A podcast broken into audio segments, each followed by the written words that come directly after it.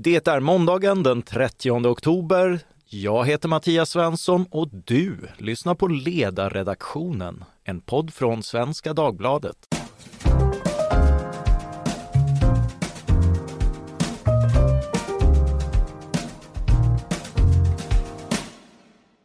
Dagens ämne är gröna bubblor. Detta är nämligen titeln på en ny bok med undertiteln Om etanolhaverier, kraschade vindkraftverk och bananer i Sveg. Bokens författare är Christian Sandström som är biträdande professor vid Internationella handelshögskolan i Jönköping, docent vid Chalmers samt medarbetare vid forskningsinstitutet Ratio. Välkommen! Tack så mycket! Tack. Du har skrivit vad jag skulle vilja kalla en välbehövlig detox för maktberusade kommunalpolitiker. Eh, några exempel på satsningar i det vällovliga syftet att underlätta en grön omställning som slutat med skulder och havererade projekt. Hur kommer det sig att du skrev den här boken? Jag började intressera mig för fenomenet gröna bubblor eh, tre, fyra år sedan och eh, det fanns ett exempel som stack ut och det var det här Sekab i Örnsköldsvik där man under tidigt 00-tal skulle göra etanol ur cellulosa, alltså ur skogen. Och eh, denna anläggning besöks då av ministrar, kungligheter, ambassadörer och eh, det växer, det frodas politiskt, socialt. Det är en hype runt det och i nästa läge så urartar det här fullständigt och eh, vi pratar om miljardskulder. Vi pratar om ett litet kommunalt bolag som är utomlands i Tanzania, Mosambik, Brasilien, fabriker i Ungern, fabriker i Polen för att försöka göra etanol och ingenting av det fungerar och sen är det en stackars, några stackars skuldtyngda kommuner i Norrland som får bekosta det här då och eh, jag ville någonstans försöka förstå vad det var som pågick där. Och eh, i nästa läge, när jag zoomade ut lite, så såg jag fler exempel på det här. Och ju mer jag tittade, desto mer såg jag och till slut började jag också identifiera ett, vad jag tyckte var ett mönster i de här satsningarna. Och eh, det är det jag försöker att dokumentera i den här boken så att vi kan lära oss av det som har skett. Ja, och det är onekligen, ja, det är ju inga trevliga läxor för de som ska betala, men för den som läser om det är det faktiskt rätt roligt. Eh, och, och, och låt mig då som Eskil Erlandsson ta några exempel, eller rättare sagt låta dig gå in på dem. Vem var till exempel Etanol-Jesus? Etanol-Jesus, eh, han det var en man som hette Per Karstedt. Han var ju då VD på detta Seka, Björn och eh, han har då kallats för etanol-Jesus för han var karismatisk och ja, predikade i någon mening detta gospel av etanolen som framtidens bränsle. Och det var inte bara det utan det var ju den cellulosabaserade etanolen som var det stora. Och där är ju Göran Persson och inviger den här etanolpiloten, jag tror det är 2004, 112 miljoner ifrån Energimyndigheten. Och eh, det är han som sen tar bolaget ner till Afrika och missionerar också då. Ja, det, det är ju klassiskt. Eh, men fanns det inte en massa etanolbilar och tanka? Ja, etanolbilarna det är ju en, en bubbla i sig som eh, också dokumenteras i boken. Sen går det ju att göra etanol på många olika sätt. Mm. Eh, göra det ur socker i Brasilien, det är väl det mest kostnadseffektiva. Sen finns det ju mycket ur eh, Eh, ja men vinet då som eh, vi har nere i, eh, i Frankrike, etanol då från, eh, från druvor. Eh, etanol från spannmål, det har vi i Sverige skyddat bakom tullar som Göran Persson fixade. Etanol ur trä, det, det är en annan teknologi och det är det absolut svåraste och som kräver mest energi och ja, har inte visat sig fungera trots alla de här pengarna. Så varför lägga dessa miljardbelopp på en teknologi som egentligen inte har någon potential på en mogen mättad marknad för etanol då? Uh, och, och, det var därför det, uh, vad, var det som hände sen med de här satsningarna? Vad, vad, blev det av det? Ja, vad är det som får de här bubblorna att till slut punkteras? Ja, det är ofta att uh, ja, det byggs upp politiska, sociala, kulturella högkonjunkturer som förstärker varandra runt vad jag menar är stora mängder bidragspengar, billiga lån eller gratispengar, lite slarvigt uttryckt då. Och eh, de gratispengarna kan sedan ta slut. Det är en del av det. Det andra är att i den här varmluften, invigningarna, spadarna i marken, politiker i hjälmar och så. Så det är ingen som vågar ställa de kritiska frågorna, de jobbiga frågorna, utan man, man tar genvägar runt det där och sen kommer verkligheten och gör sig påmind i nästa skede. Teknologin fungerar inte. Man har byggt in sig i anläggningar, strukturer, anställda och, och sen punkteras det. I fallet etanolen, då är det ju 2008-2009 kommer det en del studier som visar att etanol är inte alls bra för miljön eftersom det ytterst kräver att du odlar en massa mer och odlingen i sin tur kräver ju då naturresurser, fertilizers och så vidare. Ja, det var väl också det att eh, etanol från Brasilien, där befarade man att regnskog togs i anspråk för antingen direkt eller indirekt, var väl en del av kritiken, eller? Absolut, och eh, det var ju något liknande i USA när, när människor började se att det här drev ju upp matpriserna faktiskt också. Ja, vi hade en, en uh, matprisbubbla där 2008 innan finanskrisen. Ja. Mm. Here's a cool fact. A crocodile can't stick out its tongue. Another cool fact. You can get short-term health insurance for a month or just under a year in some states. United Healthcare short term insurance plans are designed for people who are between jobs, coming off their parents' plan, or turning a side hustle into a full time gig. Underwritten by Golden Rule Insurance Company, they offer flexible, budget friendly coverage with access to a nationwide network of doctors and hospitals. Get more cool facts about United Healthcare short term plans at uh1.com. Och mitt i allt detta fanns, eh, fanns etanol och ett tag där så var det en hype för, eh, för etanolbilar. Ja. Eh, hur, hur, hur kort var det fönstret? Eh, det är en väldigt snabb tillväxt 2004, 6, 7, runt 2008 pikade. Då är omkring alltså 20 procent av nybilsförsäljningen är då etanolbilar. Men i praktiken är det ju bilar som går att köra på bensin också då. Men det är ju vissa avdrag som gör att man får incitament att, att köpa just de här etanolbilarna. Sen är det ju då dels de här studierna som visar att det inte är bra för miljön. Eh, sen... Eh, att, att ta fram bränslen ja, alltså? Ja. ja. Sen eh, går ju eh, oljepriset ner och... Eh, Trots, det blev ingen peak oil? Nej, det är många som har sagt att det ska bli peak oil och sen blir det inte det och, och oljepriset går inte åt det håll man önskat eller förutsatt. Och många av de här satsningarna är ju i praktiken då storskaliga spekulationer i oljepriset som kommunala bolag håller på med. Mm, eh, men de här bilarna var också, eh, det, det, var inte så bra att tanka etanol, eller hur? Nej, eh, det är väl särskilt Ford-modellerna då som eh, havererar efter ett tag. Så framåt 2010 börjar ju bilister att surna till ordentligt när motorerna skär sig då. Och med inblandning av etanol, det är en sak. Det, det har ju varit bra på många vis. Men E85, det vet jag inte något annat land i Europa som har kört på och det har vi ju än idag i och med pumplagen. Så byggde vi in oss i den infrastrukturen där bensinmackar än idag har E85 på menyn och eh, måste ha något biobränsle för att eh, vara compliant med pumplagen från 2006 som är en del av det här komplexet av stöd för etanolbilar. Då. Mm, eh, pumplagen, eh, den främsta effekten av det var väl att göra det dyrt att bedriva mack i, gland, eh, i glesbygden väl? Mm. Eh, så fick man inrätta stöd för att rädda, eh, rädda de mackarna. Eh, men det var väl i alla fall bra för miljön, eller hur? Pumplagen och, och etanolen, nej den är ju inte det. Det tar ju så mycket energi att utvinna det och mycket av de här, vad ska jag kalla det, förment gröna satsningarna, de baserar sig på att man man helt enkelt låtsas som att det inte finns några alternativa användningar för de här resurserna. Ja, Okej, vi kan få bort fossila bränslen och köra på något annat, något icke-fossilt, ja.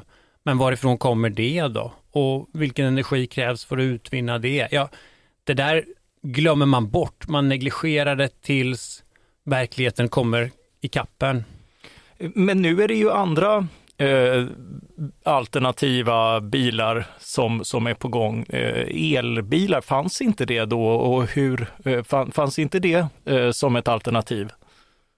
Det vi ser där tidigt 00-tal, det är ju att mängden elbilar och mängden etanolbilar eller alternativa bränslen då, det är ungefär samma för elbilar som för etanol och, och andra bränslen. Eh, och när pumplagen och de här olika stöden för etanolen då infinner sig, då innebär det i praktiken att du diskriminerar ut elen.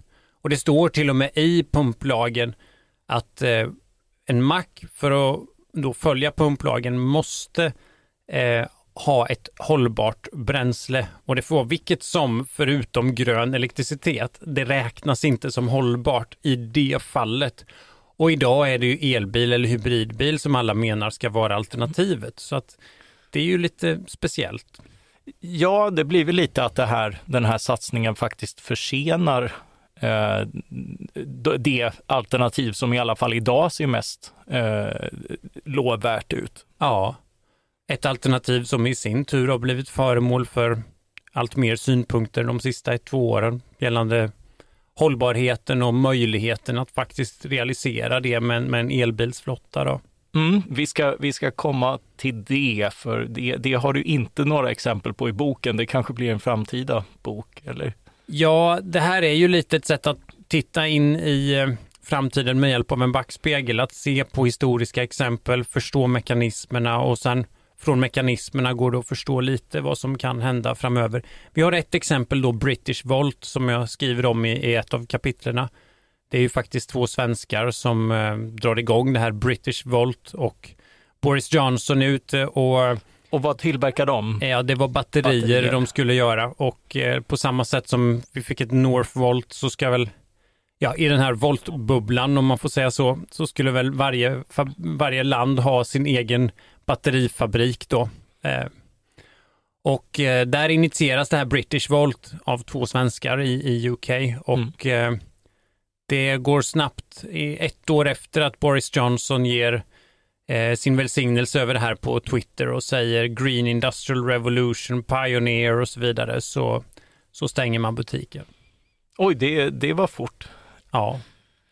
Uh, nu när vi fått upp ångan ska vi kanske ta oss an gasen också. Uh, I Göteborg tog de sig an det kvistiga problemet att göra gas av grenar, ja. uh, men det gick åt skogen.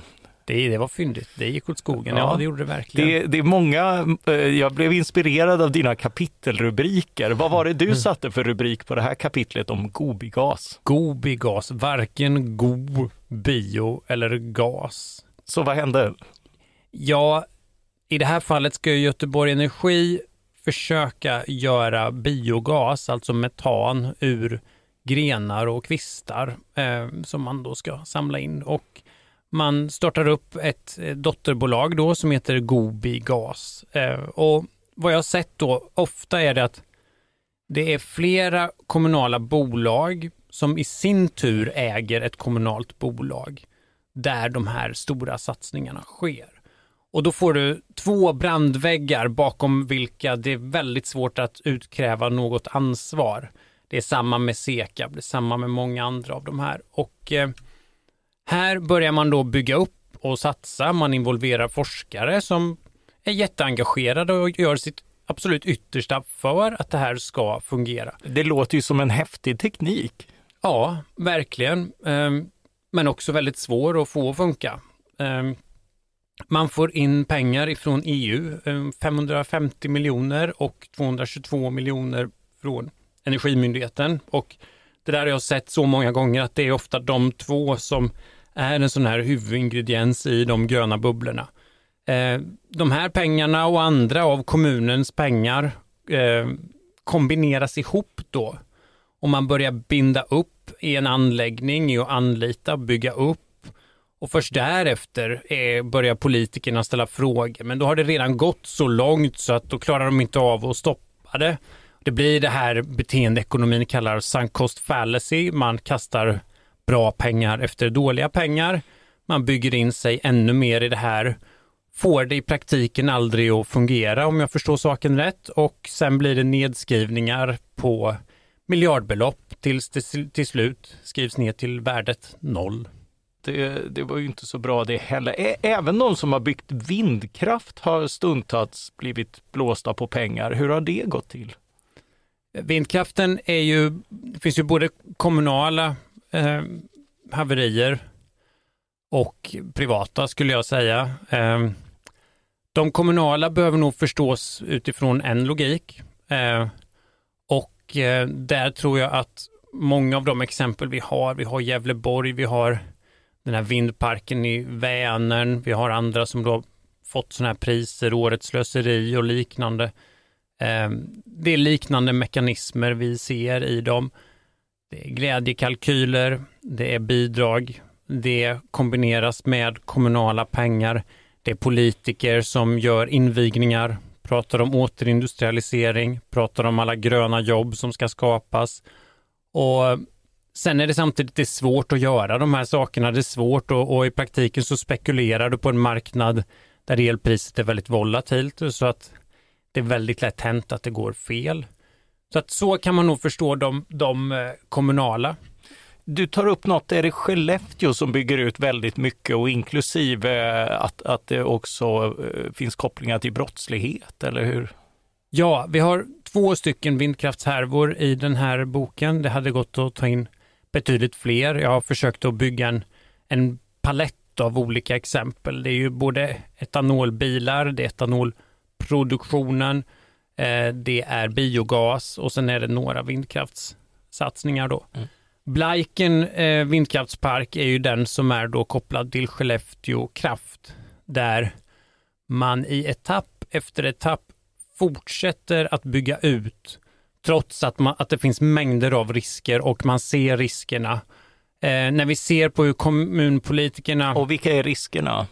Det är flera risker runt det här. Det ena är ju att överföringen till söder egentligen är väldigt begränsad så att du riskerar att fastna med elen uppe i norr med väldigt låga priser som en följd av det. För där finns redan vattenkraften. Ja. Och, ja.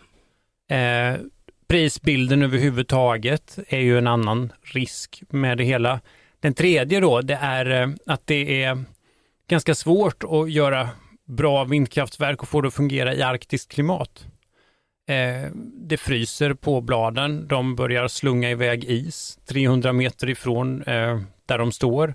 Så det, det, är många av de här grejerna, men då får man ju såklart igen då bidrag ifrån EU på 150 miljoner för att forska om det här då. Det låter ju väldigt bra, men vad innebär det i praktiken? Att man tar väldigt stora risker.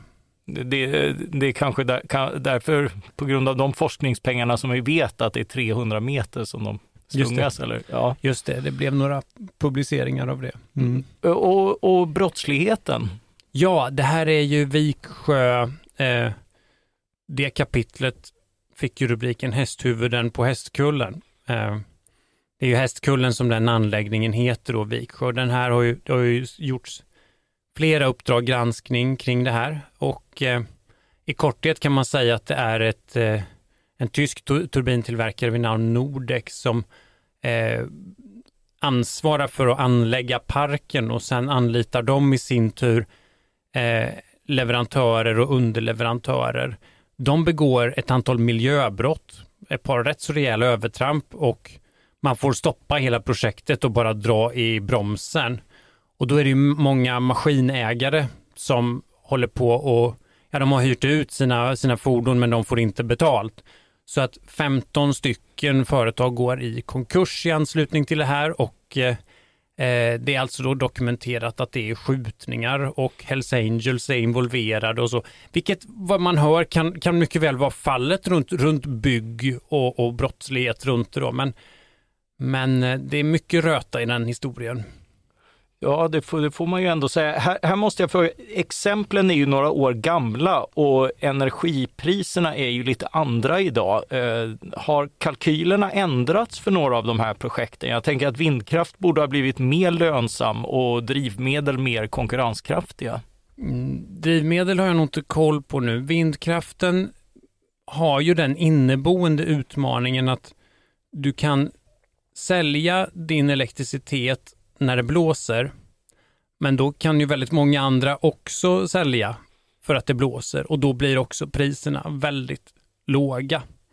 Eh, omvänt, när priserna är höga hade du velat sälja men du har inte lika mycket att sälja. Så att det finns en inneboende lönsamhetsproblematik i vindkraften eh, som har lett till stora förluster. Nu får vi se här 2022, vi håller på att sammanställa resultaten men men eh, jag tror inte det ser särskilt bra ut finansiellt. Är bananerna fina? Jag måste ju bara fråga om bananerna i Sveg. Ja, det, det var väl... Det är på ett sätt ingen stor grön bubbla. Den är ganska harmlös egentligen. Mm. Det är inga stora belopp det här är frågan om. Men det finns så mycket att lära sig av den ändå runt viljan, önskan om att saker ska fungera och bitvis den desperationen som finns när man ska försöka få in pengar. Så att det är Vattenfall som lägger ner sin torvfabrik då i Sveg och eh, ett försök att få till det här då, att göra någonting positivt av det, det är att eh, man vill göra en etanolfabrik. Så att det här är ju 2005, 2006. Ja, när det är inne. Ja, det Sekab är top of the pops. Så att i, under de här åren är målet att samarbeta med Seka Björnsköldsvik och på så vis lära sig mer om tekniken att göra etanol ur cellulosa. Det var ju bara det att Sekab klarade ju aldrig av det. Ja, så teknikspridningen uteblev? Ja, för det fanns ingen fungerande teknik att sprida trots mer än en miljard då in i det här kommunala bolaget. Och var dyker då bananerna upp? Ja, det dyker ju upp en tilltagande desperation och försök att göra någonting med den här anläggningen och en del av det här är att man ska ta spillvärmen ifrån etanolfabriken och så ska man sätta upp ett växthus och då skriver man att det ska bli eh, bananer, svegbananer har vi, Dagens Nyheter som återger. Eh, och bara några månader efter det så säger man att det ska bli en tomatodling istället. Och eh, min gissning är att man försöker få pengar ifrån Tillväxtverket och då behöver den här agrara dimensionen finnas lite i det då. Så det, det är nog varför det uppstår och, och mm, det, är en, det är en speciell historia, man, man drar lite på mungiporna så.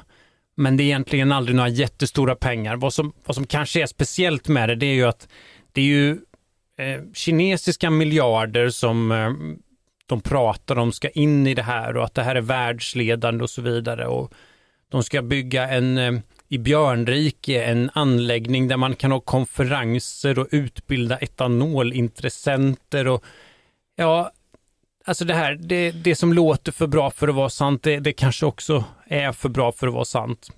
Eh, ja, eh, och, och, det, där är, det där är ju några av eh, av erfarenheterna du, du kommer till gång på gång. Alltså, eh, det är, det, din bok är läsvärd bara som en samling roliga exempel, men det finns väl några gemensamma drag att uppmärksamma och några lärdomar att dra, eller? Mm. Ja, det är det jag försöker göra lite i början och, och jag tror att många kanske tycker att jag, ja, jag tar de här exemplen och drar ett gäng roliga historier eller elaka anekdoter om man så vill och så drar jag allting över en kam. Eh, målet är att försöka påvisa mönster och inte hänga ut enskilda individer eller beslutsfattare. Och om jag ska försöka summera då, varför sker det här? Vad är mekanismerna bakom? Så en grej är att ja, men ingen risk är för stor när någon annan betalar. Att eh, ställs stora mängder av other people's money till förfogande så blir det glädjekalkyler. Det blir att riskmedvetandet eh, försvinner. Eh, en annan aspekt av det är att den som inte borde påverka politiken är ofta den som har bäst eh, förmåga och kanske mest incitament att göra det.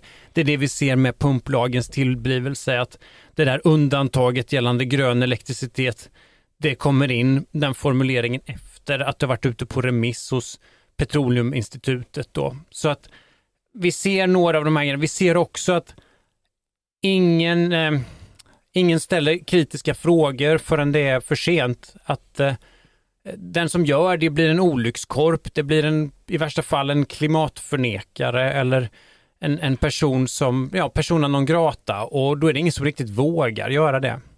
Är, är det inte också just det här att man, eh, man försöker ticka i för många boxar på en gång? Det ska vara både i, i glesbygden eller lokalt mm. eh, och, eh, och miljövänligt och hållbart, kanske jämställt också, vad vet mm. jag.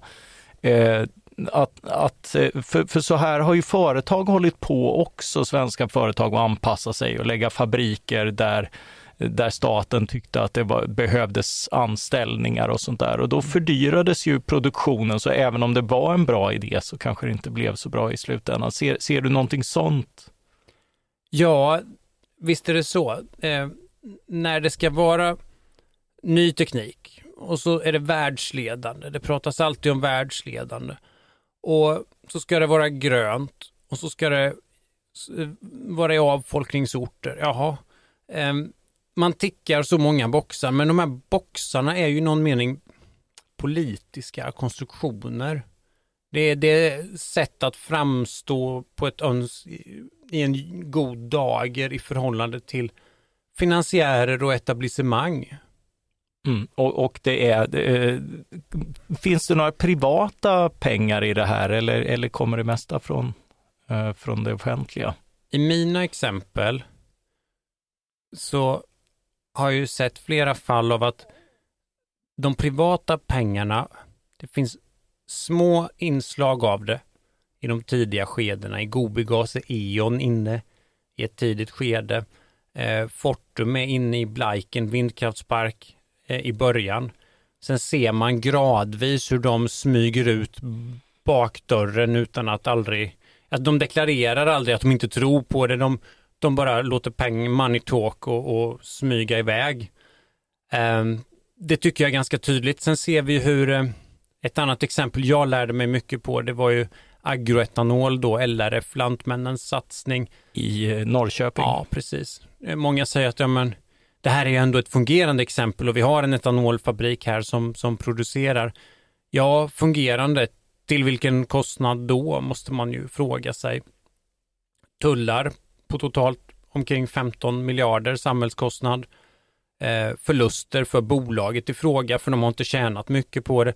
De fick skatteavdrag på en och en halv miljard ifrån Göran Persson för att etablera sig inom ramen för Perssons gröna folkhem och flört med Centern då under sent 90-tal. Så att det är, inte en för, det är inte en vinstaffär för LRF Lantmännen. Det är inte en vinstaffär för miljön vad jag förstår. Det är inte en vinstaffär för skattebetalarna för det skapas väldigt lite arbetstillfällen. Ehm, det, det fanns någonting att lära sig i den historien också. Det är ju försök att tjäna pengar på det. Och man får mängder av politiskt eh, skapade då privilegier. Men, men det räcker ändå inte. Nej, det är väl, det är väl en illustration av, av det här att eh, eh fina mål och, och, subventioner tar dig bara så långt mot ja. eh, mot att faktiskt ha en, en lönsam verksamhet och någonting att sälja som folk vill köpa. Ja. Eh, jag satte ju rubriken på det kapitlet eh, LRFs tre små grisar. Det tyckte jag var lite roligt. Så, eh, men eh, historien om de tre små grisarna, det handlar ju om att ja, men bygger du ett hus på, av halm och det börjar blåsa, då, då har du problem eller om det kommer en varg. Och det är lite samma här att bygger du din, ditt företag på en kombination av tullar, subventioner, bidrag, avdrag, ja då räcker det att politikens kastvindar vänder lite granna så är huset borta och så står du där och klagar på att politiken är orättvis. Men, men det är vad det är. Mm, eh, det där är ju en aspekt. Eh, sen en annan för du forskar ju generellt om innovation mm. eh, och så här ser väl mycket innovation ut. Det, det, är ju ändå väldigt många projekt också i det privata ja. som går omkull av alla möjliga olika anledningar. Så hur stor anledning finns det egentligen att, att peka finger mot just de här? Mm. Det är en bra fråga. Jag jag tror att en kapitalistisk ekonomi skapar också bubblor och det innehåller också mängder av sunk cost fallacy, glädjekalkyler, flockmentalitet och så vidare. Människor får väl dra sina egna slutsatser när de läser de här exemplen lite, men vad jag ser när jag tittar på dem, det är att det här är en, en det är en annan nivå av beteenden när det verkligen är, det är någon annans pengar. Och det är EU-pengar som kombineras med myndighetspengar, med kommunala pengar. Och det är ingen som ställer några kritiska frågor därför att det är grön hållbar återindustrialisering. Och, och sen säckar allting ihop. Det, jag menar att det här är, det är mer politiskt fabricerade bubblor snarare än teknologiskt eller ekonomiskt och, och då blir det ju inte genvägar utan, utan senvägar för den som vill åstadkomma en omställning. Det är väl en av, utöver att det kostar pengar, är väl det en av, av de viktigaste mm. lärdomarna. Att, ja. att eh, ja, politiken behöver på vissa områden göra mer för, för, för att driva en omställning. Men i det här fallet hade det varit bättre om de gjorde mindre, eller? Ja, det är en viktig poäng att det här är, det blir återvändsgränder och de är förrädiskt tilltalande för alla involverade, för vi vill så gärna tro på det och politikerna har så mycket att tjäna på att göra det här. De får posera med hjälm och med spade och, och allokera pengar och prata om hur viktigt det är och vilka framsteg som görs. Och tyvärr, vi tappar tid på det. Eh, och, och, vi ägnar mindre kraft åt det som egentligen borde göras och som hade fungerat. Eh, ja, eh, det för mig till de två sista frågorna. Vi, vi, investerar ju för närvarande mycket i en grön omställning i andra projekt. Elbilar, kärnkraft, fossilfritt stål. Eh, ser du några uppenbara bubblor i de här eller liknande satsningar? Mm, eh, ja, vi kan ju ta dem lite var och en här. Elbilar, det är bättre att jag inte uttalar mig om saker jag inte har rimligt bra insikt i förhållande till andra. Eh, kärnkraft, jag vill nog säga att nu har det det har, det har vänt på en femöring på, på några år, att nu, nu är vi plötsligt alla kärnkraftskramare. Så här. You never miss it till it's gone away. Um, och det ligger nog någonting i det, men, men i en sån snabb vändning finns det också en betydande risk att liknande mönster uppstår precis som runt, runt biogas. Ja, det, det, finska projektet är ju både, eh, det har väl tagits i bruk nu, men både försenat och fördyrat, som, mm. som så många infrastrukturprojekt ska väl sägas. Ja, och det är också en invändning man kan ha mot mina beskrivningar, att det här gäller ju inte enbart biogas eller etanol. Det har faktiskt hänt och händer med andra lösningar, teknologier också. Gällande så kallat fossilfritt stål, jag brukar säga vätgasbaserat stål. Mm. Så ja, jag började titta på vätgasbaserat stål efter att jag hade läst in mig på en mängd olika gröna bubblor och försökt att förstå vad är, vad är faktorerna bakom det här. Är det statliga eller offentliga bolag i hög grad? Det är kombinationer av EU, Energimyndigheten pengar, det är politiker, det spadar i marken, det är invigningar, det är storslagna tal och sen finns det bakom, under det där, ett antal tekniska, ekonomiska realiteter som ingen riktigt vill kännas vid. Eh, som?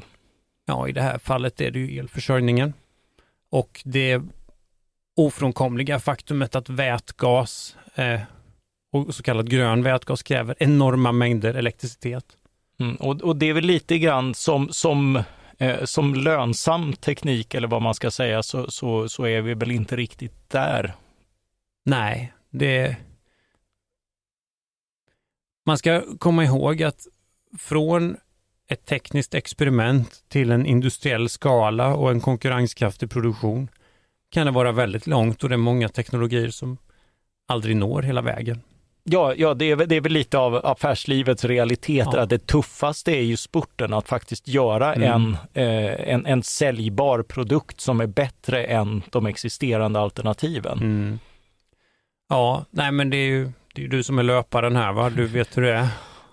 Ja, eh, jo det, det gäller, men här, här är ju så mycket annat än löpning. Det är ju timing och, och allting. Du kan mm. ha den perfekta idén, den kom bara två år för tidigt. Och mm. då har du förlorat dina pengar och någon mm. annan tjänar. Men det, ja. det, det, är ju så, det är ju så affärslivet är. Ja.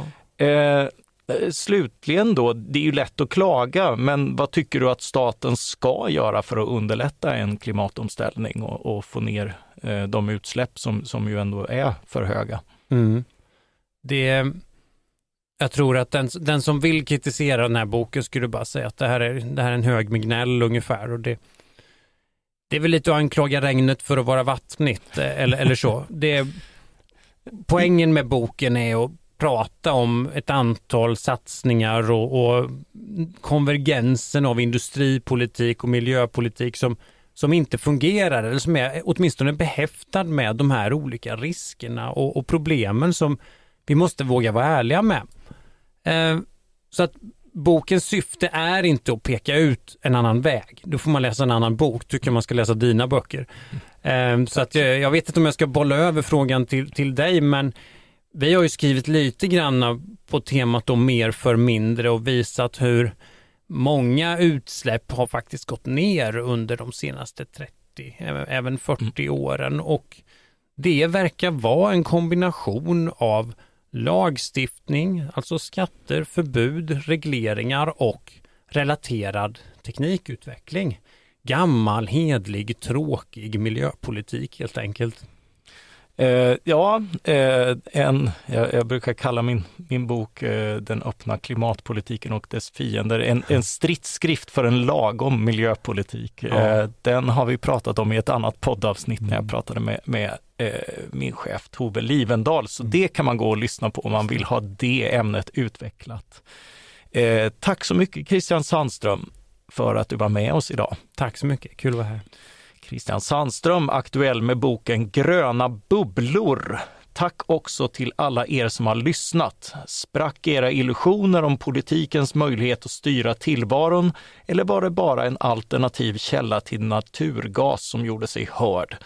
Maila hur som helst tankar, synpunkter och rättelser till oss på ledarsidan svd.se. Producent för det här avsnittet var Jesper Sandström. Jag heter Mattias Svensson och jag hoppas att vi snart hörs igen. Tack för den här gången.